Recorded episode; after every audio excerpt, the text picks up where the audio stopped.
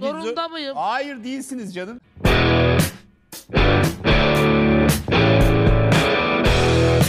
Parça... Parçanın adı. Eserin adı zorunda mıyım? Her gece rüyamda işin de senin. Zeynep, kendimden şüphe etmek zorunda mıyım? Tabii ki her hareketimizi sonsuz bir güvenle ve abartılı bir e, coşkuyla yaşamamalıyız. Ama bence gerçekten kendimizden şüphe etmemiz için fazla e, baskı hissediyorum bu aralar. Böyle bir dünyada yaşıyoruz. Evet. O yüzden de sanki bu kadar da şüphe etmemize gerek yok diye Evet. cevap verebilirim. Yani ne tam evet diyebiliyorsun ne tam hayır diyorsun. Evet, dengeli bir şüphe iyidir ama bazen sanki fazla şüphe duyuyoruz gibi hissediyorum. Evet, alçak gönüllülükle kendini suçlayıcı bir şüphecilik arasında ciddi bir fark var tabii ki. O yüzden hani Evet. sosyal medya çağında hani herkes Instagram'da ya da diğer sosyal platformlarda müthiş mutlu, kusursuz gözükürken insanın yaptığı her şeyden hafif şüphe duyması kaçınılmaz. Yani bu dayatmalar zaten hep vardı işte. E, yediğine dikkat etmelisin, çok güzel gözükmelisin, çok başarılı olmalısın, evlenmelisin, şunu yapmalısın, bunu yapmalısın. Ha, zaten dayatmalar bizi olduğumuz kişiye dair şüphelere düşürüyordu. Ama şu an sosyal medya çok sağ olsun her şey daha da zirve yapmış vaziyette. O yüzden hani bu şüpheleri biraz abartıyoruz diye düşünüyorum. Çok fazla da seçenek ve ihtimal çıkıyor karşımıza. O yüzden daha da şüphe duyuyoruz. Belki aklımıza gelmeyecek ihtimaller oluyor şu an. Evet. Olabileceğim bir insan ya da zaman geçirme şekli, işte sahip olabileceğim vücut, gezebileceğim bir yer bunların hepsi ayrı bir şeye geliyor. Ama bence evet e, herkesin çok dengeli, ideal bir hayatı var gibi görünen vitrinleri var. Biz de Evet. onları görüyoruz. O yüzden de sürekli kendi vitrinimizi düzenlemeye çalışıyoruz. Biz sürekli kendimizden şüphe ediyoruz. Ama tabii bunun çok abartıldığı durumlar da var. Bu arada az önce alçak gönüllülük dediğim şey şu yani e, insanın kendi kendini biraz frenlemesi hani her şey her başarı her güzellik her hoşluk karşısında kendi kendini pohpohlamaması güzel bir şey.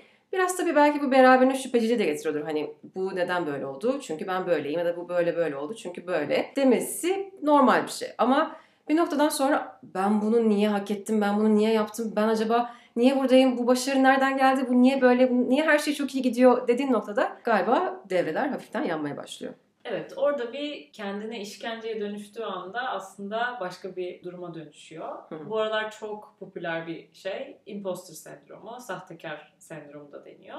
Özellikle de yani yeni dünyada genç jenerasyonların çok yaşadığı bir şey. Aslında imposter sendromu insanların zaten kanıtlanmış yani dünya standartlarında başarılı oldukları, yetkin oldukları, bildikleri, uzman oldukları alanlarda ki başarılarını hak etmediklerine inanmaları ya da bu başarının Hmm. yalan olduğunu düşünmeleri. Mesela e, çok iyi bir okula girdi, burs aldı ya da bir şey oldu. Bunların hepsinin tesadüf, şans, ona yapılan bir iyilik olduğunu düşünüyor. Ve bu insanlar başarılarını tesadüfi sandıkları için bir sahtekar gibi hissediyorlar.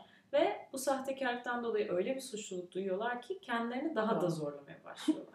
Yani daha çok çalışıyor ve bir yerden sonra bu tabii farklı şekillerde kendini gösterebiliyor ama kendilerini zorlayıp sürekli o hak etmediğine inandığı başarıyı hak etmeye çalışıyor. Yani aslında başarılarıyla insanları kandırdıklarını zannediyorlar değil mi? Ve sahtekar kelimesi de bu tanımda o yüzden Evet. var. Evet yani aslında ben ne bileyim mesela şu alanda uzman değilim ama herkes beni öyle zannediyor ama beni bir sahneye çıkarsalar mikrofon tutsalar ben bir anda hiçbir şey söyleyemem. Yani aslında abartılı bir kendi güvensizlik gibi de görülebilir. Evet. Ama çok ciddi bir burada şey var. Farklı bir gerçeklik algısı var. Yani şeyle de aslında özetlenebilir. Dış dünyanın o kişiyle ilgili algısıyla kendi algısı arasında ciddi bir fark var. Peki bu dengesizlik nereden kaynaklanıyor onu düşünüyorum. Şu an böyle derin düşüncelere daldım. hani biraz bu tabii hani şey hani sadece özgüvenden kaynaklı bir şey değil diye düşünüyorum. Yani biraz da toplumun o insanlara getirdiği sürekli kendilerini sorgulama ihtiyacından kaynaklı bir durum da söz konusu olabilir gibi geliyor. Hani anne babanın, çevrenin, iş Evet. hayatının. Evet kesinlikle. Zaten bu bu tip problemler her zaman böyle kişiye indirgenmeye çalışıyor. Seninle de hep o birey, bireye Evet. indirgenmesini konuşuyoruz ama bence de çok toplumdan kaynaklı bir şey. Zaten genelde bu sendroma sahip insanların e, baskıcı aileleri, işte mükemmeliyetçi, çok Kaçınılmaz. eleştirel aileleri oluyor. ya da bu tip ortamlarda yetişmiş oluyorlar. Yani okul olabilir, sosyal çevre olabilir. Ama bir yandan toplumsal bir tarafı da var. Yine çünkü kadınlarda daha çok görülüyor mesela. Ha, çok şaşırdım gerçekten yani çünkü kadınlardaki her başarı tesadüf biraz böyle sanki pozitif ayrımcılık erkek dünyasına Ya da bir göre. erkeğin onlara yaptığı bir yardım. Mesela evet. O yüzden hani buna çok şaşırmadım. Kadınlar için bazı şeyleri elde etmek yeterince zor değilmiş gibi. Hani zaten bir erkeğin çalıştığından ya bir er- ya işte hani hep konuşuyoruz ya. Beyaz bir erkeğin özgüveninin Ah.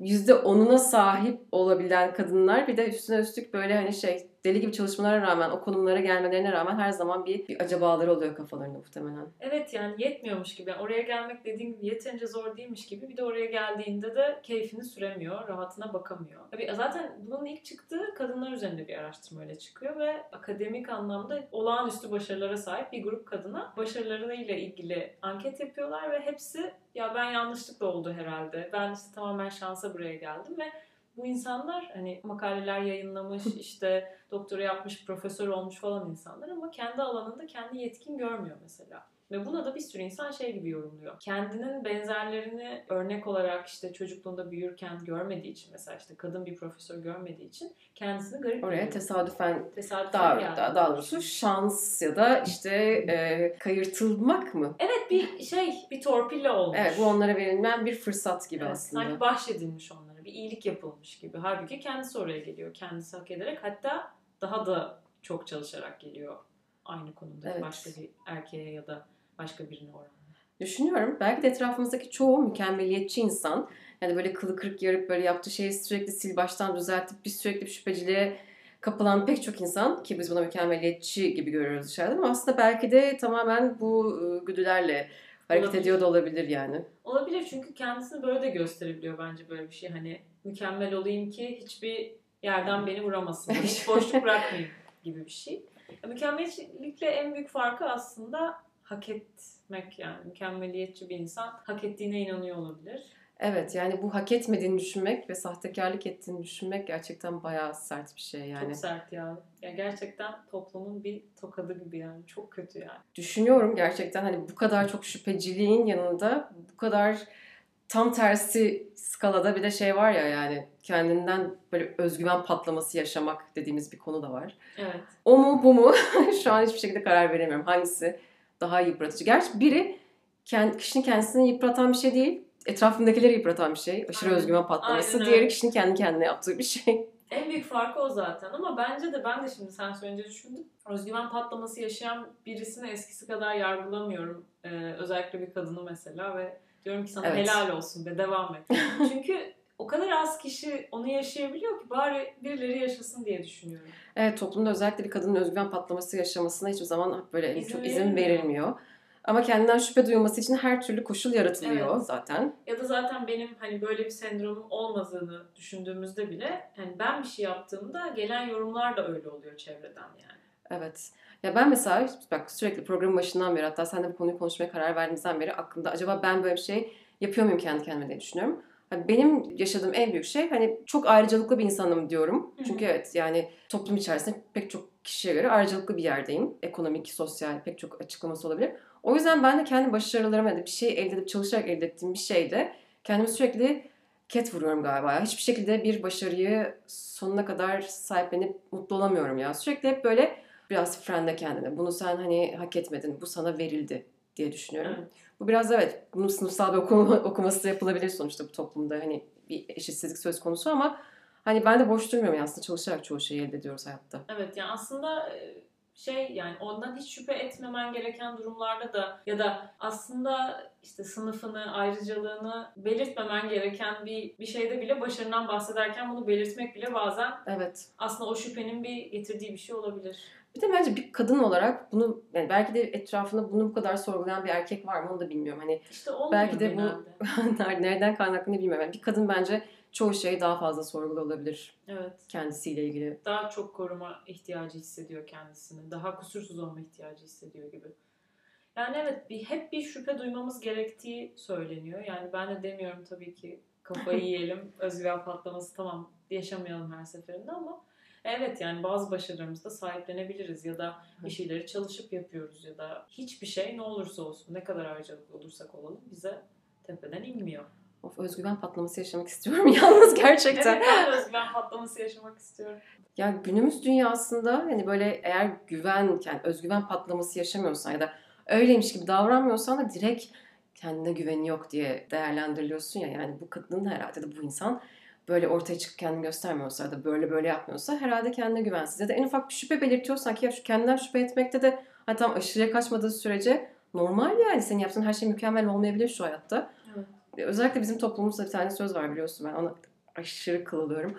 Yine ifrit olduğum bir şey. Mütevazi olma gerçek zannederler. Ama bu çok doğru. Yani Evet. birazcık bir konuda sessiz bile olduğunda ya da su yani emin olmadığını ya da biraz şüphe duyduğunu hissettirdiğinde hep senden daha az bilgili insanlardan tavsiye dinlediğini fark Ya ediyorsun. of. bir de yani şey gerçekten insanlar seni o kalıba sokuyor yani. Hani o kadar çok başıma geldi ki yani Türkçe atasözleri gerçekten müthiş her zaman böyle bir şey bir- karşılığını görüyorum hayatta. Bu da öyle yani. Kimse eskiden alçak gönüllülük sanki yüceltilen bir şeymişti. Şimdi yani geçen programda da bahsettik. Yani böyle sessizsen çok fazla öne çıkmamaya çalışıyorsan direkt yani bir Evet. kenara konuluyorsun gibi bir şey oluyor. Kenara konulmak belki sert oldu ama yani direkt of tamam bu da böyle herhalde çok da bilmiyor neyse bu da hmm falan gibi bir şekilde geçiştirilebiliyor. Evet yani birazcık alçak gönüllü insanlar hemen e, ukala ve aslında e, özgüven patlaması yaşayan insanlardan e, zorbalığa uğru- uğrarken buluyorlar kendilerini yani. Zaten biliyorsun dünya zorbaların dünyası.